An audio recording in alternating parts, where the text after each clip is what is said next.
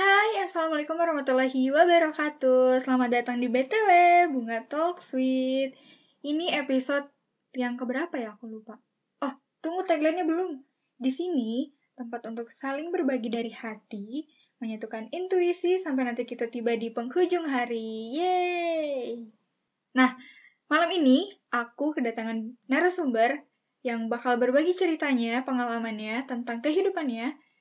Dia adalah seorang laki-laki dan dia ini teman SMA aku yang pecicilan, tapi sekarang dia punya kerjaan yang wow, di luar daripada ekspektasi aku, ternyata dia sesibuk ini dengan kerjaannya gitu. Dia adalah seorang tim belakang layar dari dari banyak film-film yang ada di Indonesia. Itu hal menariknya dari orang ini. Nah, langsung aja kita telepon. Siapakah dia? Nah, ini dia bintang tamu aku, Junet. Halo, Unge. apa kabar? Baik, Alhamdulillah. Kamu apa kabar, Net? Alhamdulillah baik. Ini sekarang lagi di mana? Lagi di rumah, kan judulnya lagi di rumah aja. Oh, jadi sekarang nggak ngider-ngider dulu nih? Enggak, soalnya kegiatannya semuanya di stop. Jadi di rumah dulu deh, istirahat. Akhirnya ya, di rumah di Bandung kan, tapi... Di Bandung. Oh, kirain udah pindah.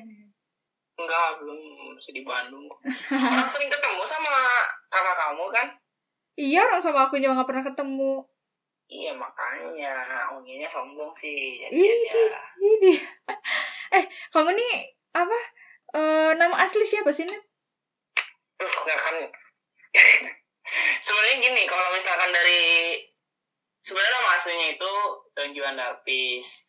Cuman dari SMP itu dipanggilnya Junet. Itu nama kamu bagus ya? Jadi orang iya, jadi orang-orang yang maksudnya yang kenal aku ya, maksudnya yang kenal aku tuh nggak akan tahu kalau misalkan namanya Juan gitu, nama panggilannya Juan. Jadi lebih kenal Junet gitu sih. Berarti di sekarang di ranah pekerjaan dipanggilnya apa? Junet juga? Dipanggilnya Junet di ranah pekerjaan. Emang udahlah namanya Junet aja orang-orang nggak tahu nama asli kamu. Iya makanya panggilannya jadi Junet Junet aja terus. Nah, Net, sekarang kesibukan kamu ini berawal dari kapan sih, Net? Kesibukan aku ini berawal dari lulus SMA. Pernah masuk kuliah dulu kan? Sebenarnya kalau misalkan masuk kuliah pernah. Aku waktu itu 2000 lulus SMA aku tahun berapa ya? 2016. 2016. 2016 eh, aku masuk Unisba tuh. Masuk Unisba tuh aku di situ udah kenal-kenal lah sama dunia visual. Cuman waktu itu belum masuk ke audio visual kayak film atau nggak video gitu belum. Jadi waktu itu aku mulainya dari foto. Dari foto udah masuk Unisba aku udah kenal tuh sama dunia-dunia foto sampai akhirnya dapat kerjaan lah kecil-kecilan waktu itu sambil belajar juga karena waktu itu aku mikirnya oh, oke nggak usah dulu man oriented tapi ya udah gimana caranya bisa belajar dulu tapi dibayar kan enak kan? Udah Nah. kayak udah kayak gitu eh kuliahnya jadi gak bener. Ya udah cabut lah dari situ dari Unisba. Cuman kuliah berapa minggu? Serius, Apa berapa minggu doang? Eh, tiga minggu lah sedikit tiga minggu doang. Pas tag gak ikut tiga minggu langsung dari situ cabut kayak gitu. Setelah itu eh eh tahun berikutnya aku masuk ISBI masuk ISBI ngambil jurusan film sama cuma satu semester. Gara-gara waktu itu udah masuk eh dunia-dunia ini kan film sama iklan gitu kan. Sampai akhirnya si schedule kuliah sama schedule syuting itu tuh tabrakan. Oh, tapi oke. karena egonya Junet sama waktu itu lagi pengen banget syuting gitu kayak haus banget itu kalau syuting tuh. Aduh syuting gitu. Jadi ya udah kuliah aku tinggalin. Sampai sekarang deh gitu.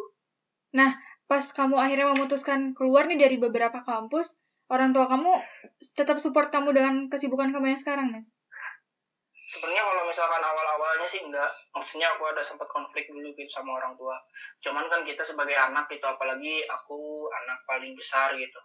Tetap aku harus ada tanggung jawabnya lah. Maksudnya jadi bilang kecewa mungkin kecewa. Cuman dari jalan itu kan apa sih yang kita bisa banggain gitu? Walaupun yang eh, hal pertama yang kita harusnya bisa banggain nggak bisa ya hal lain apa yang kita bisa banggain ke orang tua kayak gitu. Sebenarnya gini eh ini apa sih uh, para pendengar unge atau teman-teman belum ada namanya. nggak tahu belum ada namanya ya pokoknya untuk teman-temannya btw lah iya, gitu. mantap. Sebenarnya jangan sampai nggak kuliah karena apa? Kita ini hidup di Indonesia apalagi kalau misalkan kita kerja ujung-ujungnya ditanyain lu lulusan mana ijazahnya mana dan segala macam beda kalau misalkan kita kerja di luar negeri kan kita dilihatnya skill ya. Dibayarnya juga ada yang dibayar per jam gitu. Jadi jangan dicontoh lah kalau masalah akademis. Salah emang. Berarti gitu. sekarang akhirnya kamu udah nyaman nih sama dunia kerja kamu udah nyaman makanya sekarang sekarang aku ya pengennya sih fokus di film sama di iklan yang mudah-mudahan lah sampai nanti bisa jalan terus. Nah gitu. kalau pertama kali proyekan itu film atau iklan dulu? Pertama kali proyekan mm, enggak enggak film atau enggak langsung ke iklan sama ke film. Berarti ke? Pertama kali proyekan itu kalau misalkan konteksnya video aku bikinin dulu lookbook-lookbook gitulah sama selebgram dulu.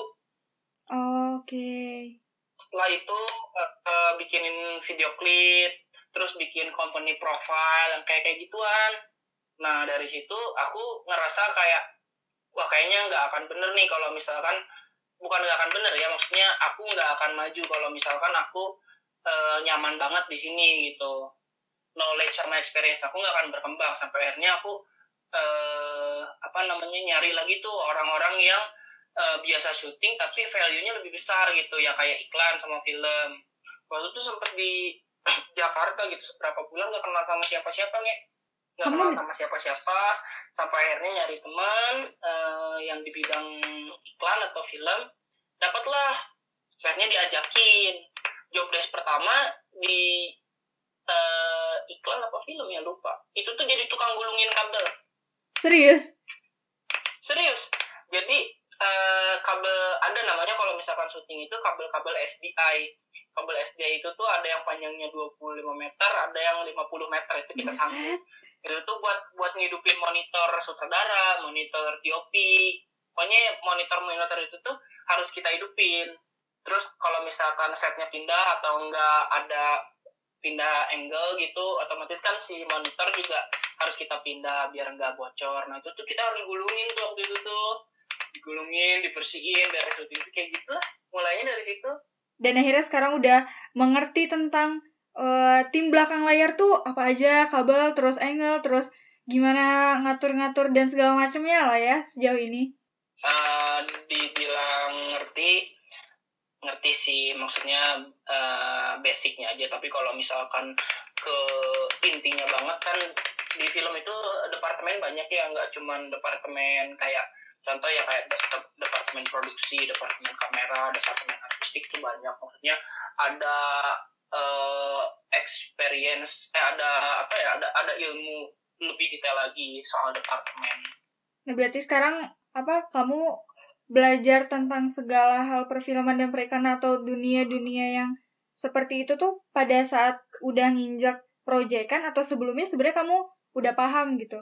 Uh, sebet dulu dulu belum paham. Maksudnya kayak misalkan ngedengar kata film kalau mis awal-awal masuk ke film aku cuman bisa nonton nikmatin karyanya gitu. Cuman setelah lama kelamaan jadi aku mikir ini gimana ya cara bikinnya? gitu nah dari situ mulai belajar lah ternyata bikin tuh nggak kayak gampang gitu. Syuting uh, setelah itu editing setelah itu uh, filmnya launching enggak maksudnya ada beberapa proses yang emang harus dilewatin dan itu tuh rentan waktunya lama. Kalau misalkan kita ngomongin film ya soal uh, iklan juga sama gitu cuman nggak selama film gitu. Oke. Okay. terus masuk ke film nih atau setelah dari yang tadi terus masuk ke film dan per, uh, periklanan itu pertama kali iklan dulu apa film dulu lupa ya kalau nggak salah iklan dulu deh iklan dulu itu di Jakarta di Jakarta Oh, berarti nanti eh waktu itu kamu datang ke Jakarta tanpa kenal siapa-siapa dengan Nggak kenal sama siapa-siapa. Dan itu lama waktunya Nyari pertama kali. Lama. Jadi waktu itu kayak kenal Jakarta tuh buat duit pas-pasan nih. nah kakak lah makanya buat duit pas-pasan eh apa cuman modal buat makan doang buat transport sana sini tuh kadang minjem ke teman nanti diganti deh waktu itu. Niatnya waktu itu tuh mau nyari teman terus ikut magang. Maksudnya nggak apa-apa deh maksudnya nggak dibayar nggak apa-apa tapi aku bisa ikut syuting gitu. Oh. Dan kayak akhirnya gitu sampai sampai akhirnya belajar belajar belajar. Waktu itu eh, dari gulungin kabel terus eh, masuk ke departemen kamera. Departemen kamera tuh waktu itu tuh eh, sempet tuh jadi tukang angkat ngangkatin kamera namanya kamera boy. Hmm, jadi yang angkatin kamera gitu terus yang mindah-mindahin kamera gitu itu nanti eh, kamera boy. Berarti Eh, setelah itu dari kamera boy eh pindah ke mana ya? Lupa. Oh ke editor editor setelah editor masuk ke script continuity script continuity eh masuk ke penyutradaraan. Penyutradaranya cuma asisten sutradara. Sekarang gitu sih kurang lebih kayak gitulah. Setelah posisi-posisi itu yang pernah kamu tempatin nih, yang paling seru di mana sih, Net? yang paling seru menurut aku sekarang. Jadi asisten apa tadi sutradara ya? asisten sutradara. Karena seru soalnya hmm, jadi kalau serunya tuh kayak gini eh asisten sutradara tuh jadi dia yang ngejalanin visi si sutradara. Sedangkan sutradara eh, pengennya kayak gimana sih? Kita yang jalanin tuh. Terus selain itu juga nanti kita bikin timeline yang udah dibikin sama produser biasanya. Hmm, bikin timeline kita harus nyocokin tuh. Misalkan kita eh, syuting tanggal 18 sampai tanggal 25 misalkan. Itu tuh gimana caranya itu semua departemen itu bisa eh, alat-alat pun bisa eh, pemain pun bisa. Hmm, jadi kita harus bikin schedule-nya setelah itu udah bikin schedule-nya eh, kita harus nge-breakdown breakdown naskahnya atau enggak storyboard-nya. Udah kayak gitu eh, kita cek lagi tuh waktu persiapan dari segi dari lokasi udah siap belum? Udah, udah siap belum? Dari segi artistik udah siap belum? Dari segi wardrobe udah siap belum? Sama pemain sih tentunya udah siap atau belum? Nanti kalau misalkan semuanya udah siap kita syuting. Nah yang jadi leader biasanya di tempat syuting itu Astrada. Karena apa? Semua informasi itu tuh semuanya ada di Astrada. Kayak misalkan kita sekarang masuk scene sekian ya setelah itu kita masuk ke scene ini scene ini scene ini tuh nanti yang infoinnya Astrada hmm, kayak misalkan kita callingan syuting hari ini jam 8 pagi atau jam 6 pagi itu semuanya ada di Astrada kayak gitu Oke, berarti kamu juga ini orangnya jadi harus ini ya apa on time ya berarti? Iya harus on time. Jadi kalau misalkan apa namanya kalau misalkan kita syuting OT overtime gitu Hmm. kita kena tegur tuh sama produsernya sama LP-nya biasanya sama lain produsernya kita kena turunin ini kok gini? Maksudnya kok kita overtime? Bukannya di schedule kita dari jam segini jam segini kita udah kelar ya nanti kita masuk ke sini. Kayak gitu. Kita harus ngantisipasi itulah. Maksudnya eh kita harus bisa ngantisipasi bakal eh, ba- bakal ada masalah apa di eh, lokasi syuting gitu. Tapi kalau misalkan kendalanya di luar dari kendala kita kayak misalkan hujan atau bencana lah taruh kayak gitu itu udah di luar kendala gitu Oke, nah eh sejauh ini nih yang paling besar tantangannya atau rintangannya tuh di mana net? Iklan atau perfilman? kalau misalkan tantangan sama rintangan itu jatuhnya ke mental ya film Di film berarti. di film jadi kalau misalkan di film itu tuh eh, si pressure-nya lebih tinggi lah dibanding sama iklan menurut aku ya Dan jangka Karena apa? waktu syutingnya juga lebih lama film. enggak kalau misalkan jam syutingnya tentatif gimana kita syutingnya sih Oh. maksudnya gimana kita syuting apa gitu sama bebannya sebanyak apa gitu Hmm. kadang ada juga nih yang kalau misalkan syuting itu kayak pagi ketemu pagi ada juga yang syuting kayak syutingan eh, pagi kelar sore ada juga kayak gitu Oh, oke. Ini aku jadi kayak menarik gitu loh karena pem- pembicaraan aku adalah sama orang-orang tim kreatif di balik layar kan. Jadi Mm-mm. pengen tahu sejauh apa sih ternyata penuh rintangannya dan akhirnya sampai ke titik si projectnya jadi tuh kayaknya lega banget ya Net?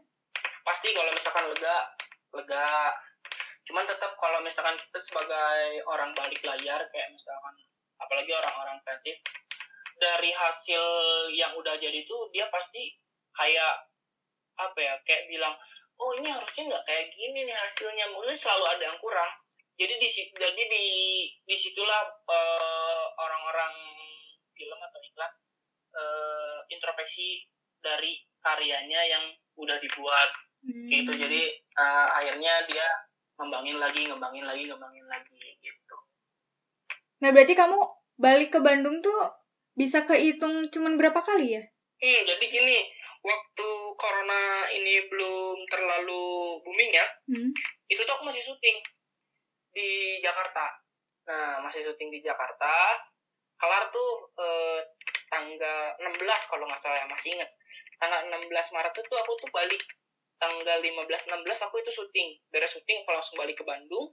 Setelah itu di Bandung itu ada tawaran syuting lagi.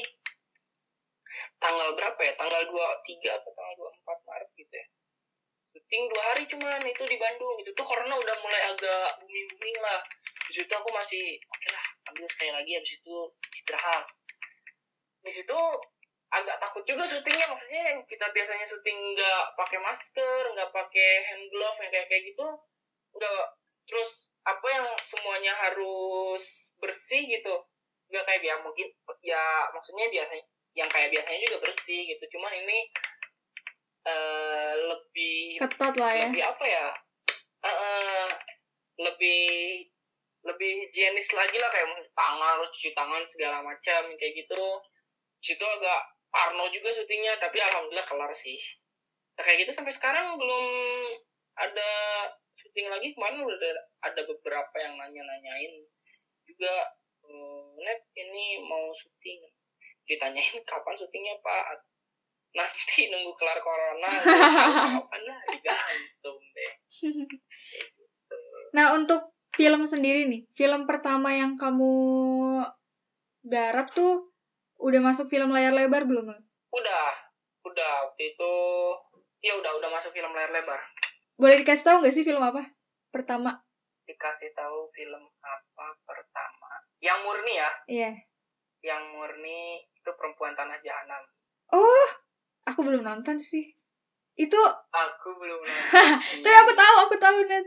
Itu itu film horor kan? Enggak horor sebenarnya. Thriller. Eh thriller ya? Thriller. Iya iya. Itu gimana nih rasanya film pertama langsung dapat yang thriller? Eh sebenarnya syutingnya dulu maksudnya aku orangnya nggak bisa yang terlalu yang excited gitu ya maksudnya e, gimana rasanya cuman kalau rasanya dibilang seneng ya seneng gitu sempat kaget nggak? aku tuh ada enggak justru biasa aja. Justru aku kayak cuman mikir kayak oh yaudah ini ajang aku untuk belajar. Terus cuman gitu doang. Oke. Okay aku orangnya maksudnya aku orangnya tuh eh, nggak uh, bisa gitu orang yang excited atau kayak gimana gimana tapi kalau misalkan aku misalkan ini tujuannya mau syuting uh, atau enggak mau belajar atau mau magang dulu lah aku mau belajar ya udah itu aja gitu senang ya senang. Cuman nggak yang gimana banget. Ya. aku aku pikir tuh kayak pas dapet tawaran pertama kali filmnya langsung thriller tuh kayak hah serius film ini? Gitu. Eh uh, waktu itu cuman ini doang sih. Uh, senangnya gara-gara sutradaranya Bang Joko Anwar. Hmm. terus diopinya Pak Ical. Uh, dia kan maksudnya bagus lah dari segi directing terus dari segi sinematografinya juga uh, bagus. Terus waktu itu astradanya juga uh, ada namanya Bang dia panutan lah. Aku belajar melihat-lihat dia gitu. Sekarang kan jadi astrada aku belajarnya dari dia gitu. Cara dia ngastradain set kayak gimana cara dia komunikasi sama kru yang lain kayak gimana gitu. Cara dia mengantisipasi masalah terus kalau misalkan ada masalah dia ngeholdnya kayak gimana aku belajar dari dia hmm. kayak gitu oke deh kamu juga sempat ini ya uh, ngegarap yang Gundala juga nggak hmm, itu nggak nggak full tapi oh tapi sempat ikutan kan Mm-mm. Oke, mantap banget. Dan akhirnya masuk juga ke iklan-iklan, terus... Uh... Aku lebih sering iklan sih justru. Oh gitu, berarti uh, range-nya dari film ke iklan itu lebih banyak iklan. Iklan. Tapi kemarin-kemarin ngerjain film lagi. Dan menurut kamu nih, uh, yang paling berkesan sejauh dari perjalanan kamu ini pernah nemuin hal menarik gak? Nemuin hal menariknya kayak gimana? Kayak misalkan di lokasi syuting yang benar-benar gak akan pernah kamu lupain deh gitu. Gimana ya? Lokasi syuting yang yang gak akan pernah aku lupain. Oh gini, aku pernah blunder. Kenapa tuh? Aku tuh dis aku disuruh sama temen aku itu uh, untuk nyiapin talent. Hmm. Nyiapin talent untuk scene traveling. Waktu itu tuh aku syutingnya ada di Jakarta Pusat. Hmm. Uh, di Jakarta Pusat. Uh, waktu itu aku salah dengar apa gimana ya? Tiba-tiba aku si talent aku tuh waktu itu di udah aku suruh move ke lokasi berikutnya. Padahal kamera tuh udah set up tuh di Jakarta Pusat itu. Nah, giliran mau take, giliran mau take, uh, net mana talent katanya. Lah, bukannya udah di sana sana. Oh, udah kayak gitu kan? Enggak, kita take dari sini. Wah, di situ udah diomelin lah segala macam. Gara-gara dengar terus waktu pernah juga tuh gara-gara salah ngelihat gerakan waktu itu kan ada adegan Oh ini di perempuan tanah jahanam tuh. Kenapa di perempuan tuh? tanah jahanam aku salah ngeliat gerakan. Salah ngeliat gerakan tuh ada ada adegan dalang gitu. Terus wayangnya itu banyak kurang lebih ada 80 wayang lah. Waduh. Kita harus hafalin tuh satu-satu yang diambil tuh yang mana, udah karakter apa gitu. Waktu shoot yang pertama itu dia benar ngambil wayang itu, tapi setelah shoot berikutnya wayangnya beda. Nah dari situlah kena omelin tuh sama semua itu tuh itu tuh posisinya udah udah tengah malam lah. Apalagi itu kan scene mahal gitu ya. Maksudnya scene mahal itu tuh dari segi artistik dari segi pemain juga banyak. Kita kan uh, waktu itu ada ekstra penonton juga dan dia juga kan pasti dibayar. Terus kita ngebangun uh, set wayang itu sama dalang-dalangnya sama kecapi-kecapinya gitu. Kalau misalkan salah kan kayak gimana gitu. Omelin sampai akhirnya kena omelin lah tuh sama satu satu satu tim? syutingan itu. Ya enggak enggak satu tim oh. justru. Satu tempat syuting. Waduh. sama semua kru tuh udah, udah diomelin lu gimana sih nih kerja nggak bener bla bla bla bla bla bla. Di situ kayak di situ ada malunya juga cuman di situ ya udah deh aku salah. Oke okay. jadi emang bener-bener kalau misalkan kerja di dunia yang kamu sekarang tuh harus kuat mental ya berarti? Mental tentu. Kalau misalkan nomor satunya sih attitude. Kalau misalkan di film atau enggak di iklan. Kalau misalkan attitude kita udah jelek atau enggak kita ada kecoreng aja dikit, uh, udah itu di blacklist. Dari semua industri perfilman gitu? Iya, karena gini, industri perfilman sama industri iklan itu sebenarnya lingkupnya kecil. Ketemunya pasti itu lagi itu lagi. Contoh kayak misalkan kita syuting A e, bulan minggu ini misalkan kita syuting A minggu ini. Bisa jadi nanti next syutingnya ada salah satu kru yang bakal ketemu lagi di syuting B. Hmm. itu jadi kalau misalkan ada apa-apa nih di lokasi eh, kejelekan-kejelekan itu itu cepat penyebarnya Hmm. Itu pun kalau misalnya kita kerja bagus nih, kita kerja bagus, uh, nanti tuh biasanya ada aja tuh yang ngomong, tuh di produksian yang ini si A ini kerjanya bagus. Nanti nomor-nomor handphone yang nggak ada namanya di handphone di HP itu tuh, ya kita itu udah nggak tahu siapa yang calling. Ya saya dapat rekomendasi dari ini tanggal sini kosong nggak buat syuting ini bla bla bla bla bla kayak gitu. Oke. Okay. Jadi hal kebaikan sama kejelekan itu kalau misalkan di film cepet banget nyebarnya. Berarti nih kalau untuk teman-teman yang ngedengerin podcast kali ini siapa tahu mereka kan anak anak-anak yang punya jiwa-jiwa senang apa maksudnya mau jadi kru perfilman atau di dunia-dunia seperti itu yang pertama itu harus attitude-nya ya? Attitude. Lah attitude uh, mental. Kalau misalkan baru-baru jiwa pengen belajar sama aktifnya juga harus ada. Terus pertama-pertama jangan dulu money oriented. Gitu hmm. gitu sih karena kalau misalkan di film kalau misalkan kerja kerjanya bagus itu pasti di calling lagi.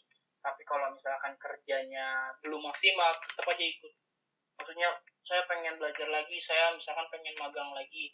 Nanti orang nanti uh, orang-orang itu tuh pasti bakal ngeliat oh ini orang uh, jiwa keinginannya gede. Gitu diajak lagi sampai akhirnya bisa ya udah lu pasti dibayar gitu. Nggak usah magang-magang lagi oke okay, nah gitu. sekarang nih udah sejauh perjalanan ini respon orang tua gimana nih respon orang tua nggak tahu ya soalnya aku nggak pernah nanya juga orang tua aku bangga sama aku atau enggak yang jelas dari yang jelas dari waktu masalah berhenti kuliah itu sampai sekarang ya udah damai udah nggak kayak dulu lagi gitu. jadi ceritanya dulu kocak banget waktu aku mau aku tuh pokoknya ada masalah sama orang tua itu tuh kurang lebih setengah tahun atau satu tahun ya aku serius? ada di rumah. Iya itu tuh aku nggak ada di rumah nih aku nggak ada di rumah sampai akhirnya aku tetap izin ke mama uh, ke mama ke papa enggak karena waktu itu uh, diomelinnya sama papa. Hmm. sama mama juga diomelin. Dan kayak gitu aku izin aku mau cabut aja dari rumah. Cabut dari rumah rumah aku nebeng-nebeng ke tempat temen gitu untuk tidur. Syuting lah di situ. Cuman nggak langsung syuting nganggur dulu tuh e, tiga minggu dua minggu gabut gitu main handphone aja bangun tidur main handphone makan bangun tidur main handphone makan sambil ngechatin orang-orang. Hmm. pengen diajak syuting. Setelah itu eh apa namanya waktu aku mau syuting perempuan tanah jahanam itu tuh berangkat bulan apa ya? Lupa. Bulan Maret bulan Maret itu tuh uh, tiba-tiba ayahku nelpon waktu aku baru banget landing di Surabaya kamu lagi di mana? Katanya. Selama berapa bulan tuh? Enam bulan apa setengah apa satu tahun ya? Baru nelpon lagi. Kamu di mana sekarang? Kamu bilang aku lagi Surabaya. Ngapain syuting? Syuting apa? Syuting film segala macam. Di situ maaf maafan lah kita. Oh ya? Iya maaf maafan nanti kalau misalnya udah syuting pulang ke rumah ya katanya gitu. Sampai akhirnya beres syuting tanah jahanam itu bulan April kalau nggak salah. Bulan April dijemput di bandara udah pulang ke rumah maaf maafan damai deh kita. Oh berarti uh, orang tua kamu udah mulai uh, apa ya menyadari bahwa emang ini yang kamu suka emang ini yang peng uh, kamu pengen gitu ya? Iya kalau misalkan menyadari apa yang aku suka mungkin udah. Cuman kalau misalkan bangga atau enggaknya belum kayaknya udah masih puas sama hasil karya-karya Oke, berarti masih terus menggali lah ya. Kamu pengen, uh, yang namanya manusia juga mungkin selalu punya ekspektasi terus bertambah gitu kan? Iya, karena gini, Ge. Eh, karena gini, Ge. Uh, aku kan kerja kayak gini, uh, bisa dibilang pekerja lepas ya, freelance gitu. Aku nggak in-house di satu PH. Terus kalau misalnya kerja kayak gini juga pasti ada limitnya limit-limit. Kalau misalkan aku hitung-hitung ya menurut hitungan aku itu ada di umur 40 sampai 50 tahun itu kita udah pasti mulai redup.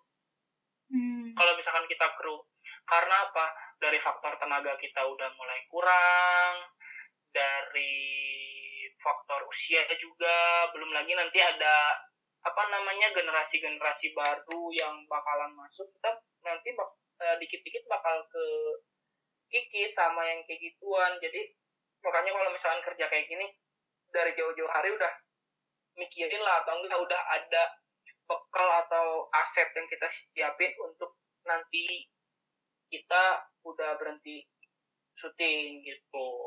Oke. Nah, pertanyaan aku sekarang, apa yang akhirnya kamu mensyukuri tentang hidup ini, Nen? Dari mulai pekerjaan kamu, dari mulai cerita kamu yang awalnya sampai harus minggat dari rumah? Yang mesti disyukurin. Banyak sih ya kalau aku kalau misalkan kita ngomongin bersyukur apalagi kita uh, ngomongin hidup. Contohnya kayak sekarang aja ya gini. Uh, lagi corona gini uh, teman-teman kru teman-teman film iklan banyak yang kehilangan kerjanya gitu. Maksudnya aku juga sama kehilangan kerjanya tapi dari segi apa ya dari segi finansial dia susah untuk maksudnya agak susah untuk makan mungkin untuk menghidupi keluarganya. Soalnya nggak semua kru film itu tuh ada di eh, apa namanya ada di bagian-bagian atas. Pasti ada juga di bagian-bagian bawah. Nah dari situ aku belajar kayak uh ternyata banyak ya di umur aku sekarang yang masih muda gitu. Aku bersyukur gitu dengan hidup kayak gini gitu sekarang dia yang udah lama di film dia udah lama di iklan terus uh, job desknya ada di bawah aku dengan kondisi kayak gini dia mungkin agak ketar ketir mungkin dia harus buka tabungannya gitu. Terus yang biasanya bulan ini ada beberapa syutingan jadi nggak ada kayak gitu sih nih kecilnya hal kecilnya. Oke terus bersyukurnya kayak gitu tuh.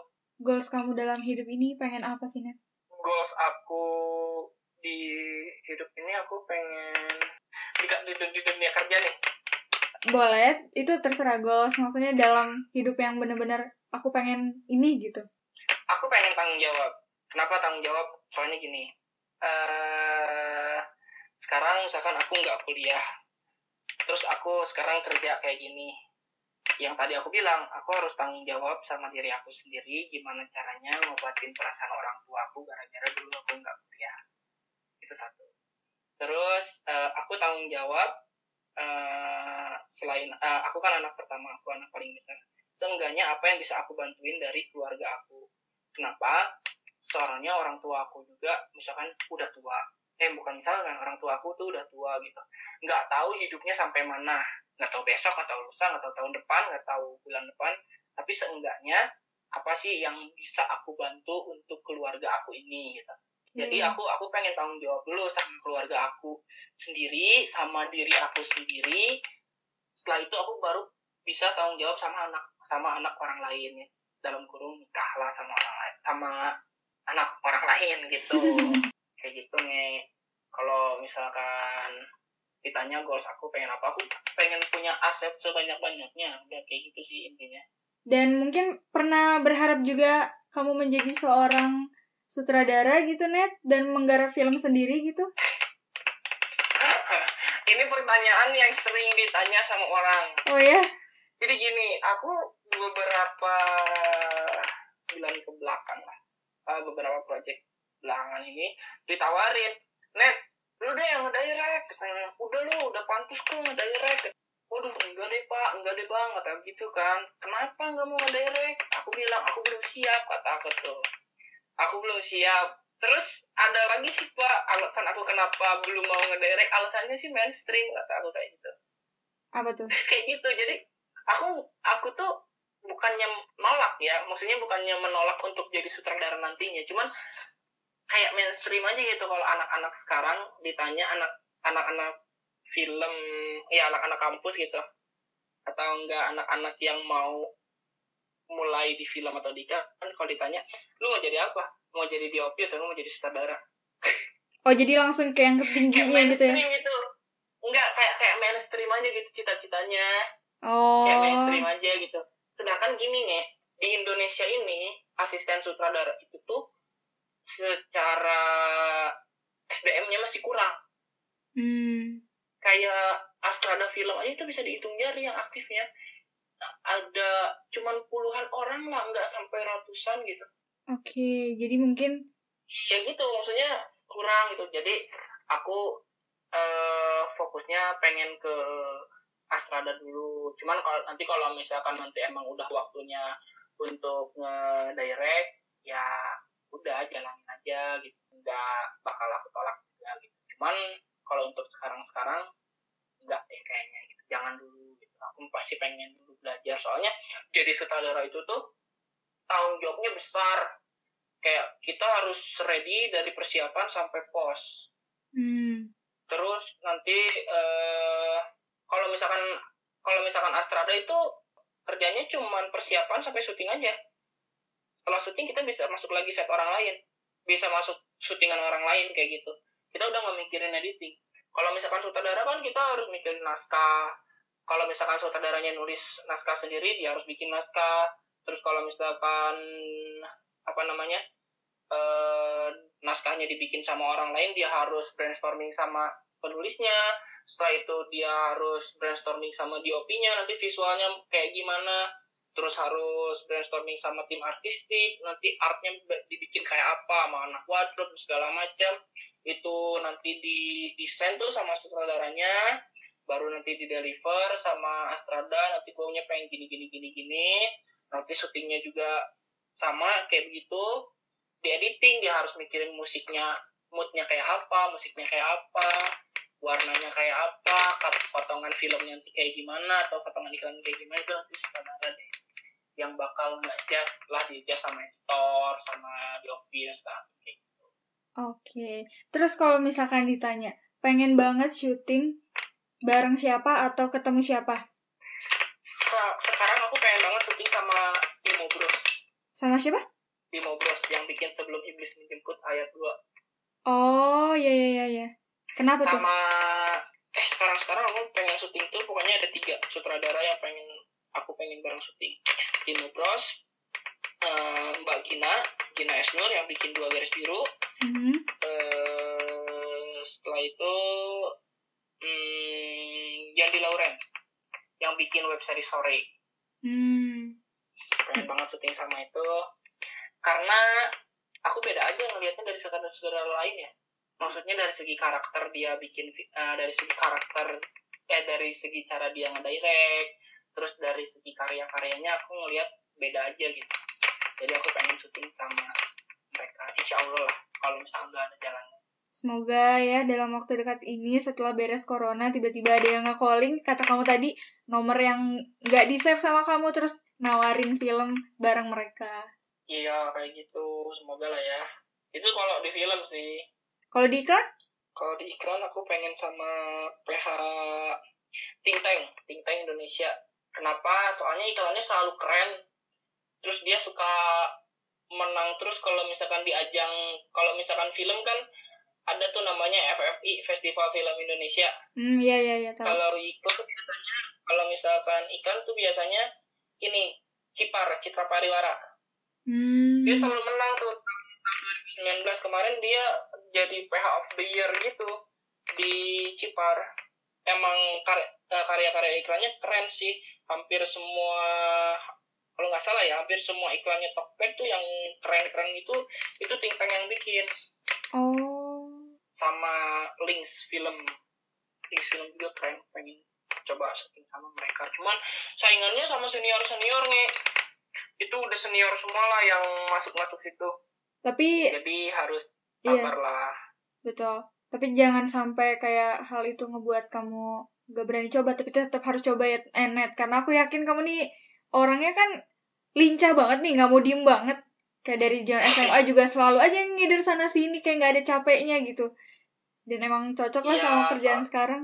Iya kayak gitu sih. Kalau misalkan kita nggak kerja, kita nggak akan dapat apa-apa gitu. Jadi ya udah mau nggak mau aku kayak cari info atau enggak cari temen yang udah per, udah yang udah pernah kerja kerja di PH situ jadi aku seenggaknya ada info atau enggak ada yang ngerekomendasiin kayak gitulah e, cara-caranya cara-cara kecilnya oke deh mungkin oh. ini segmen terakhir net untuk di luaran sana hmm. yang lagi mau mencoba atau sekarang lagi daftar atau pengen masuk perfilman nah apa yang pengen kamu hmm. sampaikan ke mereka hmm, yang bakal masuk perfilman. Iya, atau periklanan atau dunia-dunia seperti kayak kamu lah. Ya, kalau misalkan teman-teman ada yang masuk, pengen masuk ke industri iklan atau film, sebenarnya untuk masuk ke industri itu bisa dibilang zaman sekarang itu udah nggak sesusah kayak dulu. Cuman ada ada juga sih susahnya kita nyari nyari link sama kesempatannya dari mana. Tapi kalau misalkan kalian udah masuk ke industri iklan atau film apalagi baru-baru intinya jangan dulu money oriented. Kita jangan dulu kerja ngelihat uang. Kita itu kerja harus tetap kayak uh, intinya pengen belajar pengen belajar pengen belajar.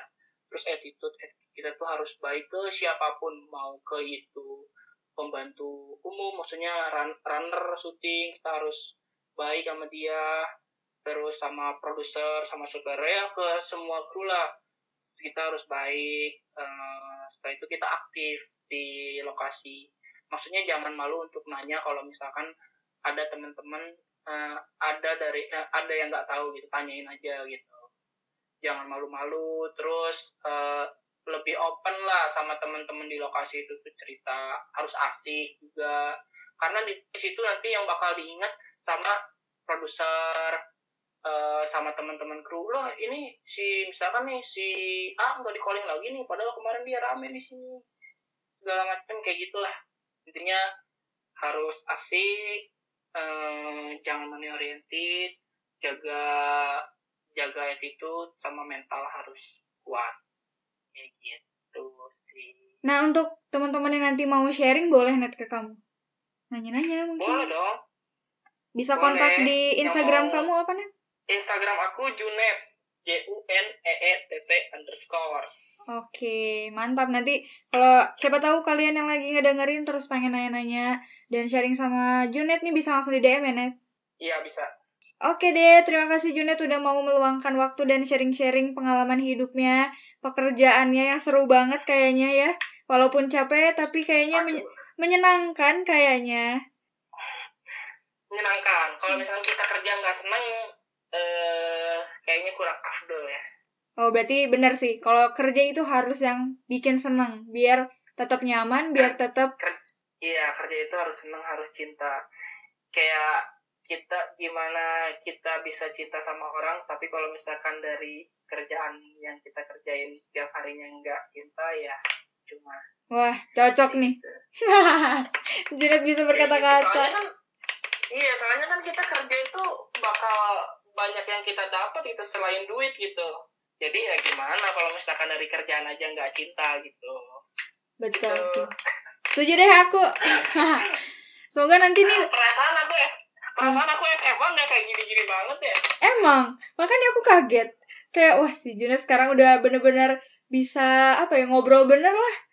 Iya, jadi ya ya itulah disyukurin aja mungkin itu eh, hikmahnya dari belajar Iya, gitu. betul. selama ini banyak ketemu orang terus sering sharing banyak sama orang yang mungkin ini mungkin hikmahnya kayak gitu Betul sih, dan yang tadi terima kasih banyak, Net. Semoga apa yang kamu harapin segera terwujud.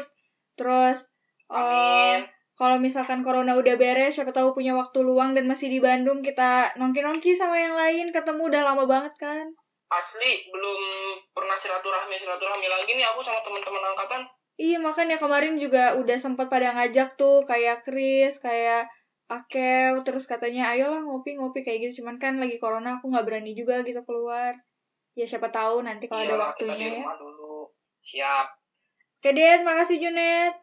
ya sama-sama salam buat Rengga ya di rumah Oke, dia lagi juga belum pulang nih, kayaknya masih kerja. bilangin juga Apa tuh? bilangin juga jangan syuting dulu gitu Iya, dia masih syuting loh. waduh gimana sini nggak ngasih ini yang baik ya udah deh, nanti aku salamin. Ya semoga lancar ya Amin. Makasih Junet. Ya, sama-sama Dadah, Assalamualaikum.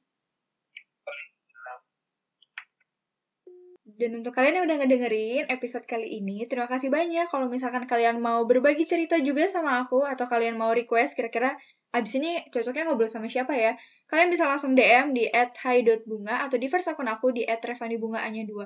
Nanti aku pilih, siapa tahu abis ini sama kamu ngobrolnya. Terima kasih udah dengerin. Wassalamualaikum warahmatullahi wabarakatuh.